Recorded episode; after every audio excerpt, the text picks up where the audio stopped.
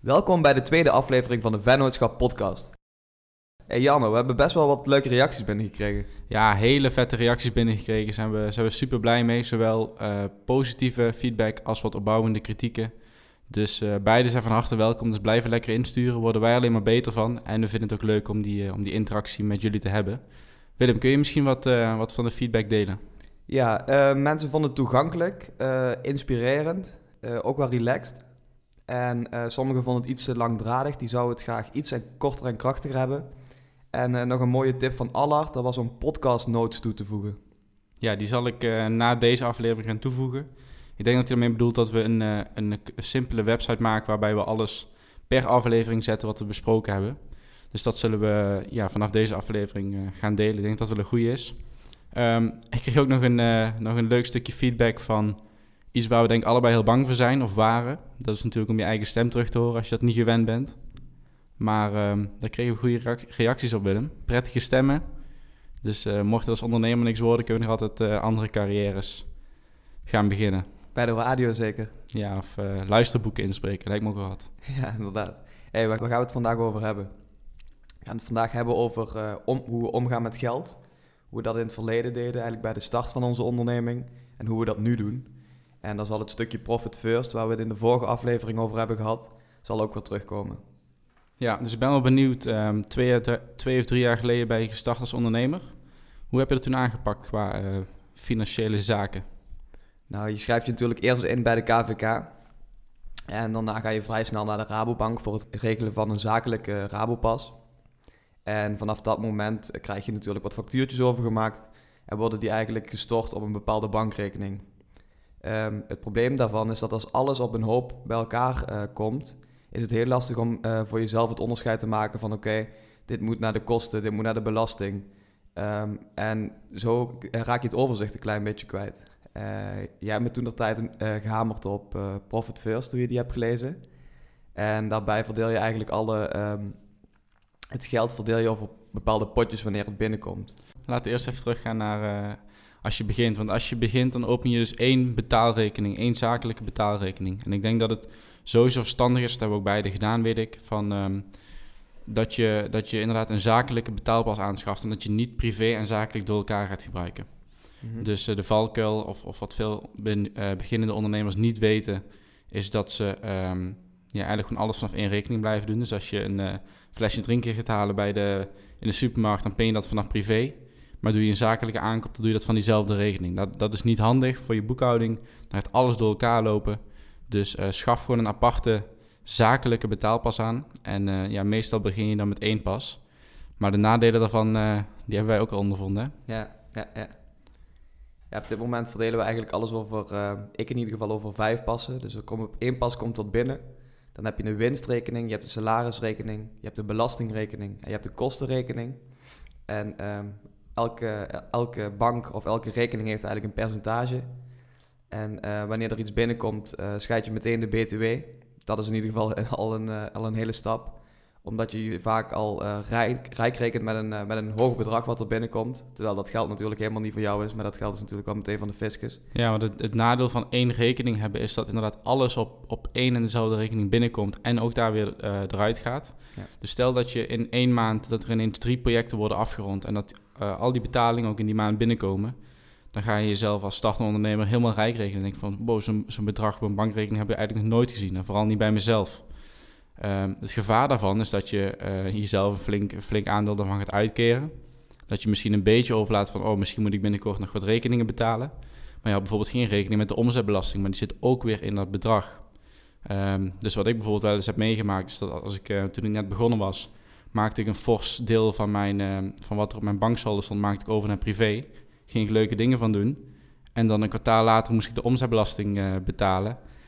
En dan moest ik me toch even achter de oren krabben, want dan stond er te weinig geld op mijn zakelijke pas. Dus dan moet je weer van privé terugstorten naar zakelijk om te voldoen aan je, aan je belastingplicht. Ja, met lood in de schoenen naar de boekhouder. Ja, met lood in de schoenen naar de boekhouder. Hopen dat je niet, dat je niet te veel hoeft te betalen. terwijl, het eigenlijk, ja, terwijl het eigenlijk een goed teken is, hè? Mm -hmm. Want uh, ja, we doen altijd heel... Uh, ja, een beetje sceptisch en een beetje lachig over, uh, over de Belastingdienst. Maar ja, als je, als je veel moet betalen, dan ben je eigenlijk goed bezig. Ja, ben ik met je eens. hey, en uh, die verdeling van die percentages, hè? Ehm, als ik naar mezelf kijk, heb ik nu bijvoorbeeld ehm, de kosten redelijk hoog, zodat ik daar een buffer heb. Mhm. Ehm, omdat ik, ja, ik heb privé op dit moment niet zo super veel nodig. Ik woon nog thuis. Dus eh, ik, heb op deze, ik heb op dit moment eh, de verdeling zo gemaakt. Ik denk ook iets dat, ehm, dat, het alt, dat je dat altijd blijft tweaken, altijd blijft fine-tunen. Ehm, je hebt natuurlijk liever, ga, ga je met die kosten omlaag en ga je met de winst omhoog. Maar wat me wel, eh, wat me wel opviel, of waar, waar ik wel van schrok, is dat je dus eerst de winst neemt. Hoe kijk jij er tegenaan?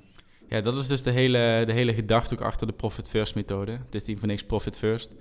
Ehm, als ondernemer, als startend ondernemer ben je gewend om zoveel mogelijk omzet te draaien en daar de kosten vanaf te halen. En uiteindelijk wat er aan het eind van het jaar op papier overblijft onder de streep, dat wordt je winst genoemd. Of eigenlijk je fiscale winst. Dus je boekhouder zegt dan tegen je, hey, eh, Willem, je hebt dit jaar 10.000 euro winst gemaakt. En dan stel jij de vraag, ja, waar is die winst? Want die winst die, die is nergens, die staat alleen op papier. Dus dat is een boekhoudkundige winst, noemen ze dat dan. Bij Profit First werkt het net iets anders. Die is echt gericht op de ondernemer zelf. Dus het gaat erom dat jij dagelijks, als je je bankrekening opent, precies weet hoe je ervoor staat op financieel gebied. En Profit First zorgt er dus ook voor dat je ten eerste je winst kaapt van je ontvangstrekening. Dus op je ontvangstrekening komt al het geld binnen. Eerst wat je daarmee doet, is niet de leveranciers betalen, is niet je eigen salaris uitbetalen. Nee, het eerste wat je doet, is je winst pakken. Nou, er zijn bepaalde, eh, wat Willem al zei, percentages zijn, daar, ehm, zijn daarvoor beschikbaar. Die kun je inderdaad zelf indelen, maar er zijn ook een soort van voorbeelden van als je startende bent. Ja, dat klinkt nu misschien ook, ik ga er heel even op in, dat klinkt nu misschien ook best wel eng, maar dat kan zijn dat je gewoon begint met 1%. Ja. Ja. Kijk, 1% kan iedereen missen. Dat Ja. klinkt raar of heel, heel cru, maar 1% kan iedereen missen. Dus als je altijd 1% van tevoren alvast als je winst, dan heb je al winst. Ja. Dus dan beloon je jezelf eigenlijk Het al. gaat inderdaad echt om die beloning. Het gaat erom dat als jij, je bent ondernemer, je neemt risico's. Het is logisch dat je salaris krijgt, maar dat moet je niet zien als winst. Winst is echt iets anders. Dus naast je salaris, wat je jezelf maandelijks uitkeert, krijg je aan het einde van het kwartaal krijg je een winstuitkering. En die winst, dat kan inderdaad beginnen met 1%. Vooral als je startende bent, je hebt nog geen idee hoe, jouw eh, hoe jouw kosten gaan lopen. Pak gewoon 1%. En dat kan dus een heel, heel minuscuul bedrag zijn aan het einde van het kwartaal. Maar het is wel iets. En als je jezelf dat aanwendt en aanleert, dan ga je ook als je gaat groeien constant die winst als eerste blijven nemen. En daardoor eh, ja, ga je jezelf eigenlijk belonen voor het, risico neemt, voor het risico dat je loopt als ondernemer. Ehm, het winstpercentage zit gemiddeld uiteindelijk ongeveer op 5%. is nog niet superveel, maar het is wel ja, aan het einde van het kwartaal kijk je dan in deze situatie toch wel naar uit, want je kunt jezelf weer wat winst uitkeren. Het is ook weer niet de bedoeling dat je daarvan boodschappen gaat doen of dat je daarvan de vaste lasten betaalt, maar je gaat er echt iets leuks mee doen. Dus stel je wil een weekendje weg, nou dan kun je je winstrekening voor gebruiken. Klopt het zo dat je de eh, volledige winst, ehm, dat je daar iets leuks van gaat doen? Of zet je nog een deel naar je, naar je eh, spaarrekening? Ja. Ja, Profit First in de basis gaat dus om vijf rekeningen. Dus op je ontvangstrekening komt alles binnen. En dat verdeel je dan elke keer over je kostenrekening, je salarisrekening, je winstrekening en je belastingen. Ehm, je kunt hem ietsje gecompliceerder maken en dan voeg je nog twee rekeningen toe. Ehm, zelf doe ik dat wel, omdat ik het prettig vind om, om echt wel een buffertje op te bouwen voor, eh, voor moeilijke tijden. Ehm, dus ik heb nog een winstaanhouderrekening en een belastingen-aanhouderrekening. En waar zijn die voor? Als jij een heel kwartaal je winst opspaart. Dus stel dat je van elke binnenkomende factuur eh, die je dus ontvangt, krijg je, of zet je 5% winst aan de kant. Nou, die verzamelen zich allemaal op de winstrekening. En aan het einde van het kwartaal gaat 50% van die winstrekening gaat naar privé. Dus dat is je echte winstuitkering. Die andere 50% die, die zet ik op de eh winstaanhouderrekening. En dat is eigenlijk een buffer die zich continu opbouwt. En als er, eh, als er een keer iets, iets, iets gebeurt waar, waar ik heel veel geld voor nodig heb... of ehm, er komt een crisis waardoor ik niks meer kan doen of ik word ziek... Ja, dan is dat mijn buffer. Eh, maar ook als ik, een, als ik een, eh, een flinke investering zou willen doen... en ik heb dat niet op mijn kostenrekening paraat staan... dan kan ik dus mijn winstaanhouderrekening daaraan, daarop aanspreken. Ja, jij hebt inderdaad die keuze wel gemaakt, ik niet. Ehm, ik heb er bewust voor gekozen om, om het inderdaad bij, eh, bij zeven rekeningen te houden. Dat klinkt wel heel overdreven, maar inderdaad twee, eh, twee privé en vijf zakelijk. En dat, dat werkt voor mij. Ik, denk dat, ik ben bang dat ik anders het overzicht kwijtraak. En ik denk van, ik stap nu heel klein in. Misschien dat ik het nog inderdaad ook op die manier bijschaaf. Maar op deze manier werkt het voor mij om toch ehm, ja, met een kleine stap in te, eh, te beginnen. En het daarna verder uit te bouwen. Ja, laten we het zo ook even, ook even hebben over hoe we het privé hebben ingericht. Ik denk ook nog wel belangrijk het stukje belastingen. Ehm, stel je krijgt een factuur uitbetaald, dan zit daar in Nederland dan 21% omzetbelasting op. Nou, die is niet van jou, die is niet van ons. Dus die moeten we eigenlijk reserveren om vervolgens aan de Belastingdienst uh, te betalen aan het einde van het kwartaal. Nou, hoe zit dat dan bij Profit First? Hangt ook een beetje af van um, bij welke bank je zit, of het allemaal wat makkelijker gaat of dat je het zelf moet doen. Um, in mijn geval gaat er automatisch 21% van alles wat ik binnenkrijg aan betalingen gaat naar de uh, belastingenrekening. Jij zit zakelijk bij Bunk ook? Bij Bunk, ja. ja. Dus die gaat, daar gaat 21% automatisch naartoe. Dus die zie ik eigenlijk niet eens. Um, maar daarmee bouw je dus je, je belastingenrekening op. Daarnaast, want dat is dus je omzetbelasting voor de ondernemers.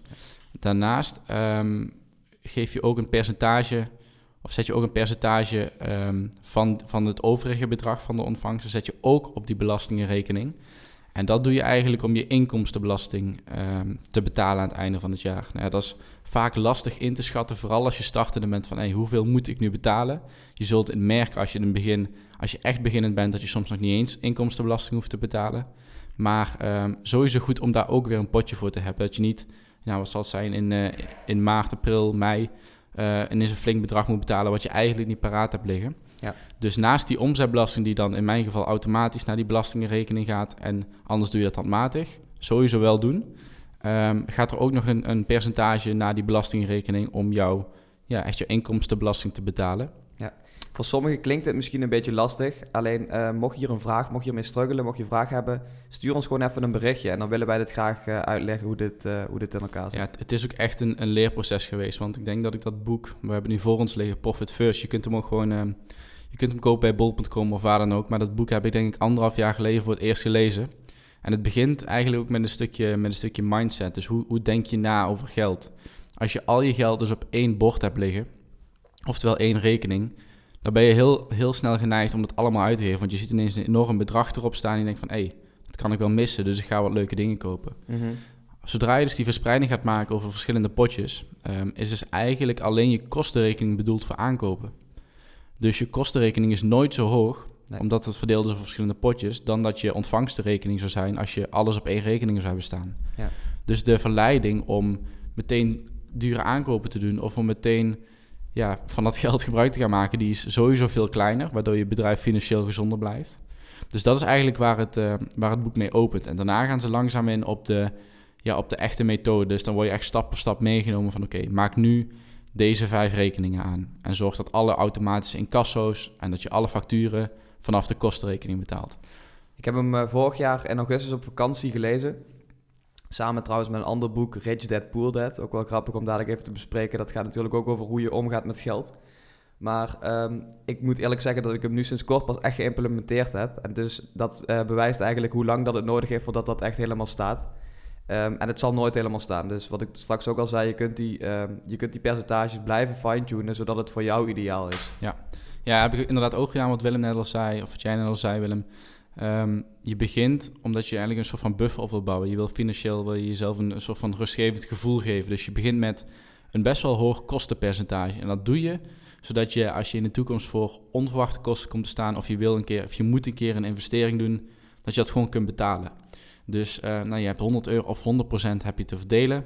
Hoe ga je die dan in eerste instantie verdelen over die vier rekeningen? Mm -hmm. nou, stel dat je, dat je echt beginnende bent, dan kan ik me voorstellen dat je je kosten best wel, um, dat je daar best wel een buffertje voor opbouwt. Dus dan begin je bijvoorbeeld op uh, 60, misschien wel 70% Dat is eigenlijk heel hoog, vooral als je een eenmanszaak hebt. Uh, en dan kun je de rest van de rekeningen kun je dus met die overige, laten we zeggen 30% kun je gaan verdelen. Dus stel dat je, dat je nog thuis woont, dat je weinig kosten hebt, zeg je bijvoorbeeld, nou dan neem ik 20% salaris. Dat is eigenlijk heel weinig. Maar voor de eerste maanden is dat eigenlijk helemaal niet erg. Want dan wen je er meteen aan dat je niet heel veel geld gaat verdienen. Ja. En dan heb je nog, uh, even kijken, 70, 20, heb je nog 10% over. En die verdeel je dan over de winst en over de belastingen. Nou, laten we zeggen dat je 5% winst neemt en dat je 5% um, ehm, naar je belasting overmaakt.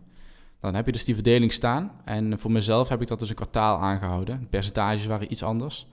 Uh, maar ik heb dan een kwartaal aangehouden en toen ben ik na elk kwartaal gaan bekijken, oké, hoe sta ik er nu voor? Hoe is mijn buffer in mijn kostenpotje? Hoe staat mijn winstrekening ervoor? Hoe staat mijn salaris ervoor? Wat heb ik mij de afgelopen kwartaal uitgekeerd aan salaris? En toen ben ik het eigenlijk langzaam gaan bijstellen. Dus ik heb uh, volgens mij in een jaar tijd, dus vier kwartalen, ben ik langzaam die kosten, dat kostenpercentage iets omlaag gaan brengen. En dat salarispercentage iets omhoog. De winst en belastingen die heb ik volgens mij altijd op, uh, op 5% gehad. En uh, ja, we zijn nu voor mij dan, ik denk anderhalf jaar verder, sinds dat ik dat echt geïmplementeerd heb. Dus nu is inmiddels de salaris, um, het salarispercentage is net iets hoger dan het kosten. En uh, ja, voor mij is het nu eigenlijk het, het ideale evenwicht op dit moment. Dus ik heb, ik heb een potje voor mijn, um, voor mijn, ja, ik heb een buffer voor mijn kosten, voor investeringen. En ik heb gewoon een, ja, een salaris maandelijks kan uitkeren. Ja, goed bezig. Ik denk dat je hem zo. Ik denk dat jij hem inderdaad nu goed hebt staan. En uh, ik denk dat het voor mij een mooie streven is om hem zo, uh, zo ook te krijgen. Ja, ik denk alleen dat we, want we zeiden net van het kan even duren voordat je hem hebt geïmplementeerd. Ja en nee. Kijk, de basis is heel erg simpel. Je hoeft alleen maar wat extra rekening aan te maken. En je moet even in je hoofd die switch maken dat je niet dus alles op één rekening binnenkrijgt, maar dat je het elke keer gaat verdelen. Ja, heel even een praktische tip tussendoor. Um, er zijn eigenlijk twee banken waarbij je dat makkelijk kunt doen. Dat zijn Knap en Bunk. Ja. Daar kun je dus inderdaad um, voor hetzelfde geld kun jij vijf rekeningen of meer aanmaken. Dus uh, dat, is wel een, uh, dat is wel een zinvolle tip, denk ik. Ja, sowieso voor, voor starters um, raad ik een van die twee banken aan. Inderdaad, Knap is de goedkoopste. Uh, Bunk is iets meer voor de, voor de tech-nerds onder ons. Ik vind, dat heel, ik vind dat heel leuk, maar Knap is inderdaad ook echt een prima, een prima bank om te starten. In ieder geval op dit moment. Hè. Het kan over, over twee jaar ook weer anders zijn. Maar um, ik zie het niet als een, als een grote stap. Zie het echt iets als wat je financiële rust gaat geven. Want dat was ook wat ik jou vroeg, uh, wat ik jou vroeg Willem, toen je het eenmaal geïmplementeerd had, toen je het een paar keer had gedaan met, met het verdelen van je kosten. Ja. ja, dan ervaar je gewoon echt een soort van rust. En het is gewoon lekker als je die verdeling kunt maken. En je ziet gewoon die, die bedragen zie je verspreid worden over je verschillende potjes.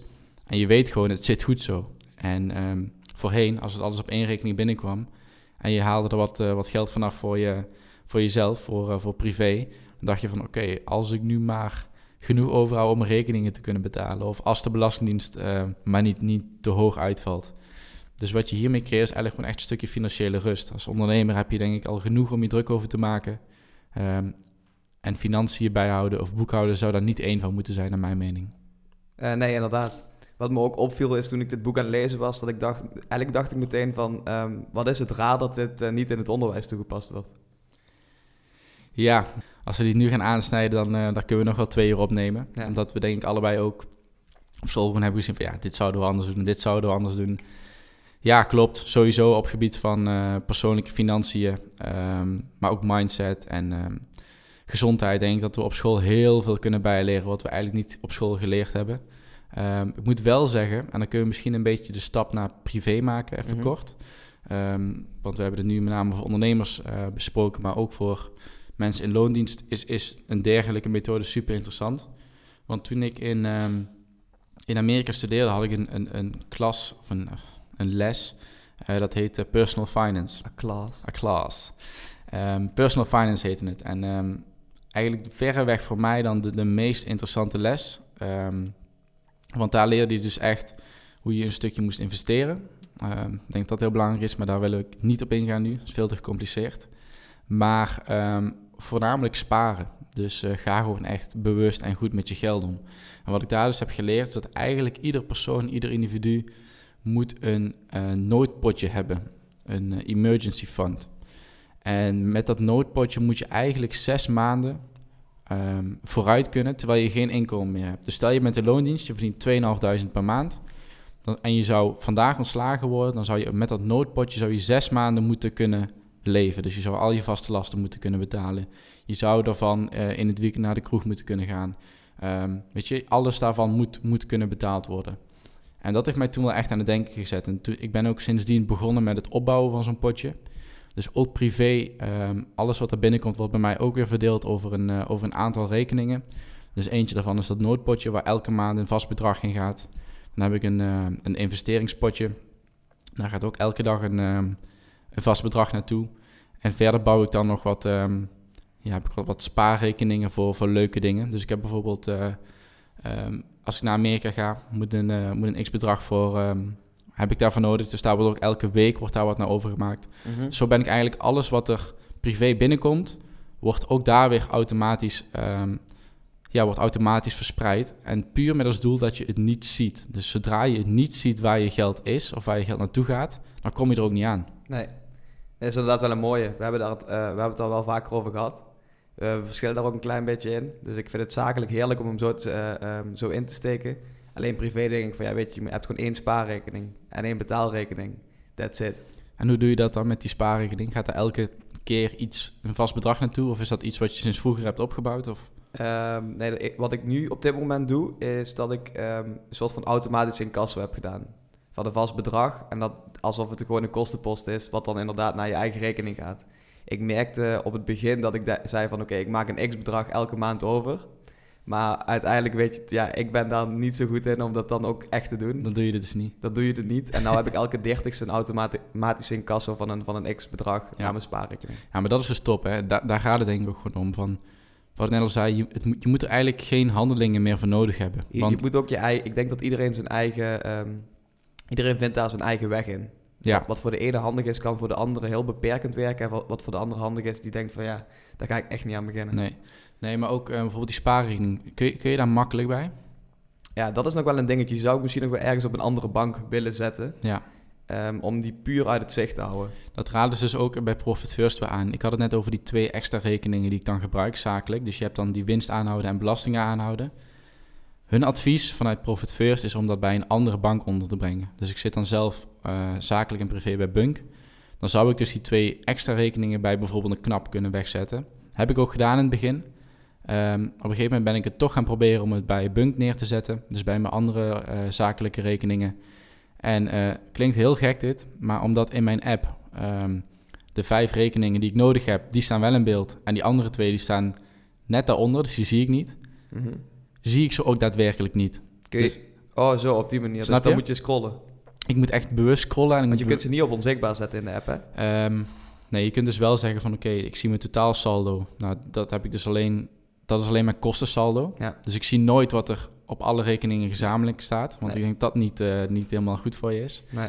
maar maar ehm, heel gek, maar dat is echt een, klein ehm, ja, trucje... waardoor je die twee extra rekeni- rekeningen niet ziet. Ja. Ehm, maar het, het werkt wel gewoon. Dus zo, zo klein kan zeg maar de drempel zijn. Daarmee zeg ik dus ook dat je zeker niet het boek van A tot Z moet opvolgen. Je moet echt doen wat je zelf, wat je zelf fijn vindt, wat jij net ook aangaf, eh, zowel zakelijk als privé. Ja. Nou, voor mij werkt dit ontzettend goed. En ehm, ja, die drempel is dus net voldoende om eh, lekker af te blijven van die echte spaarrekeningen. Ja, lekker man. Hey, nogmaals, heb je een vraag hierover? eh, stuur gewoon een berichtje. Voel je vrij om, om het te vragen. En wij helpen jou er graag bij. Ja, en ehm, we zijn van plan om de aankomende podcast niet met z'n tweeën op te nemen, maar met z'n drieën.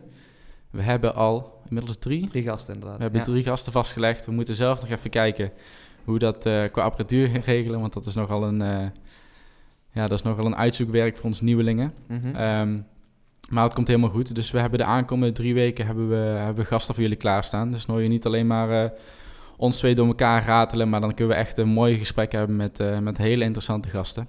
Wie dat zijn, hou dat nog even geheim of kondigen we de eerste alvast aan?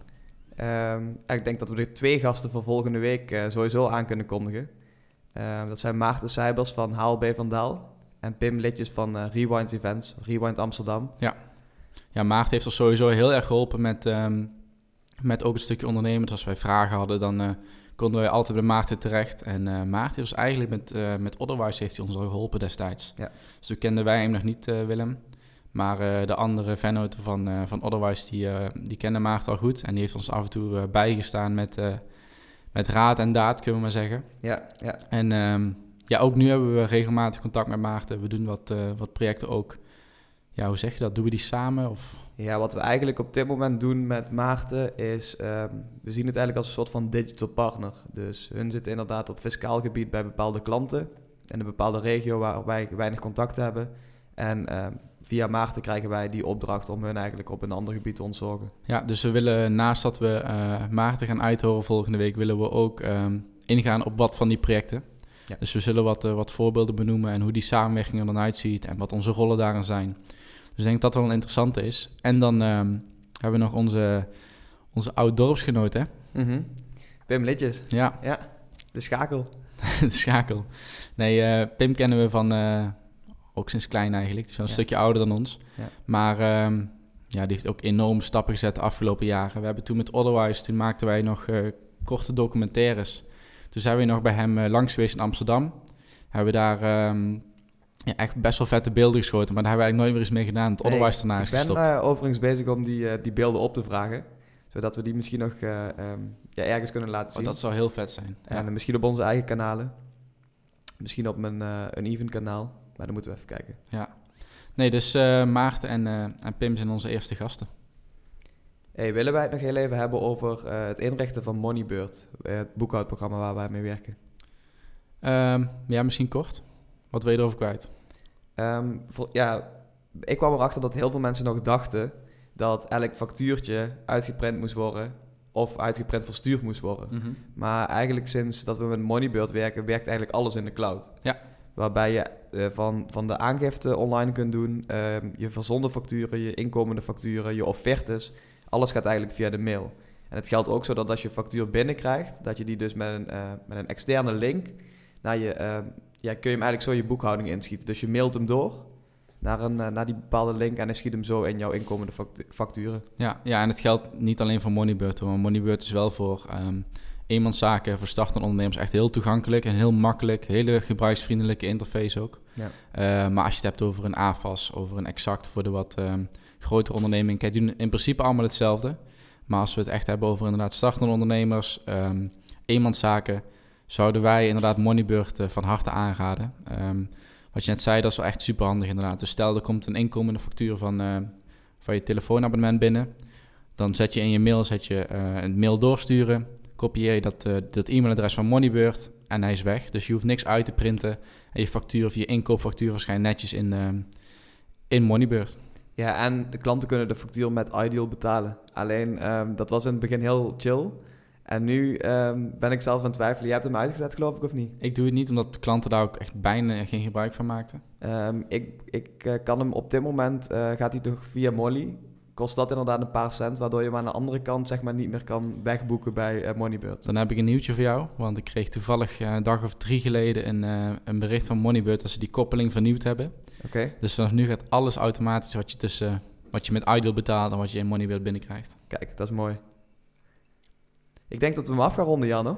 Ja, dus uh, hoe lang zijn we bezig geweest? We zijn op dit moment 27,5 minuut bezig. Kijk, dat is nu wel wat korter en, uh, korter en krachtiger dan de vorige. Ja, inderdaad. We zijn vandaag ook iets dieper op de materie ingegaan. Um, dus ik denk dat het inderdaad voor nu lang genoeg is. Ja, en vanaf volgende week gewoon weer uh, leuke, interessante gesprekken met, met verschillende gasten. Bedankt voor het luisteren. mocht je nog vragen hebben, stuur ons dan even een DM op Instagram. Dat kan @janopeters met dubbel E of Willem Vullings. Um, volg je ons nog niet, dan kun je ons volgen op Spotify en of iTunes.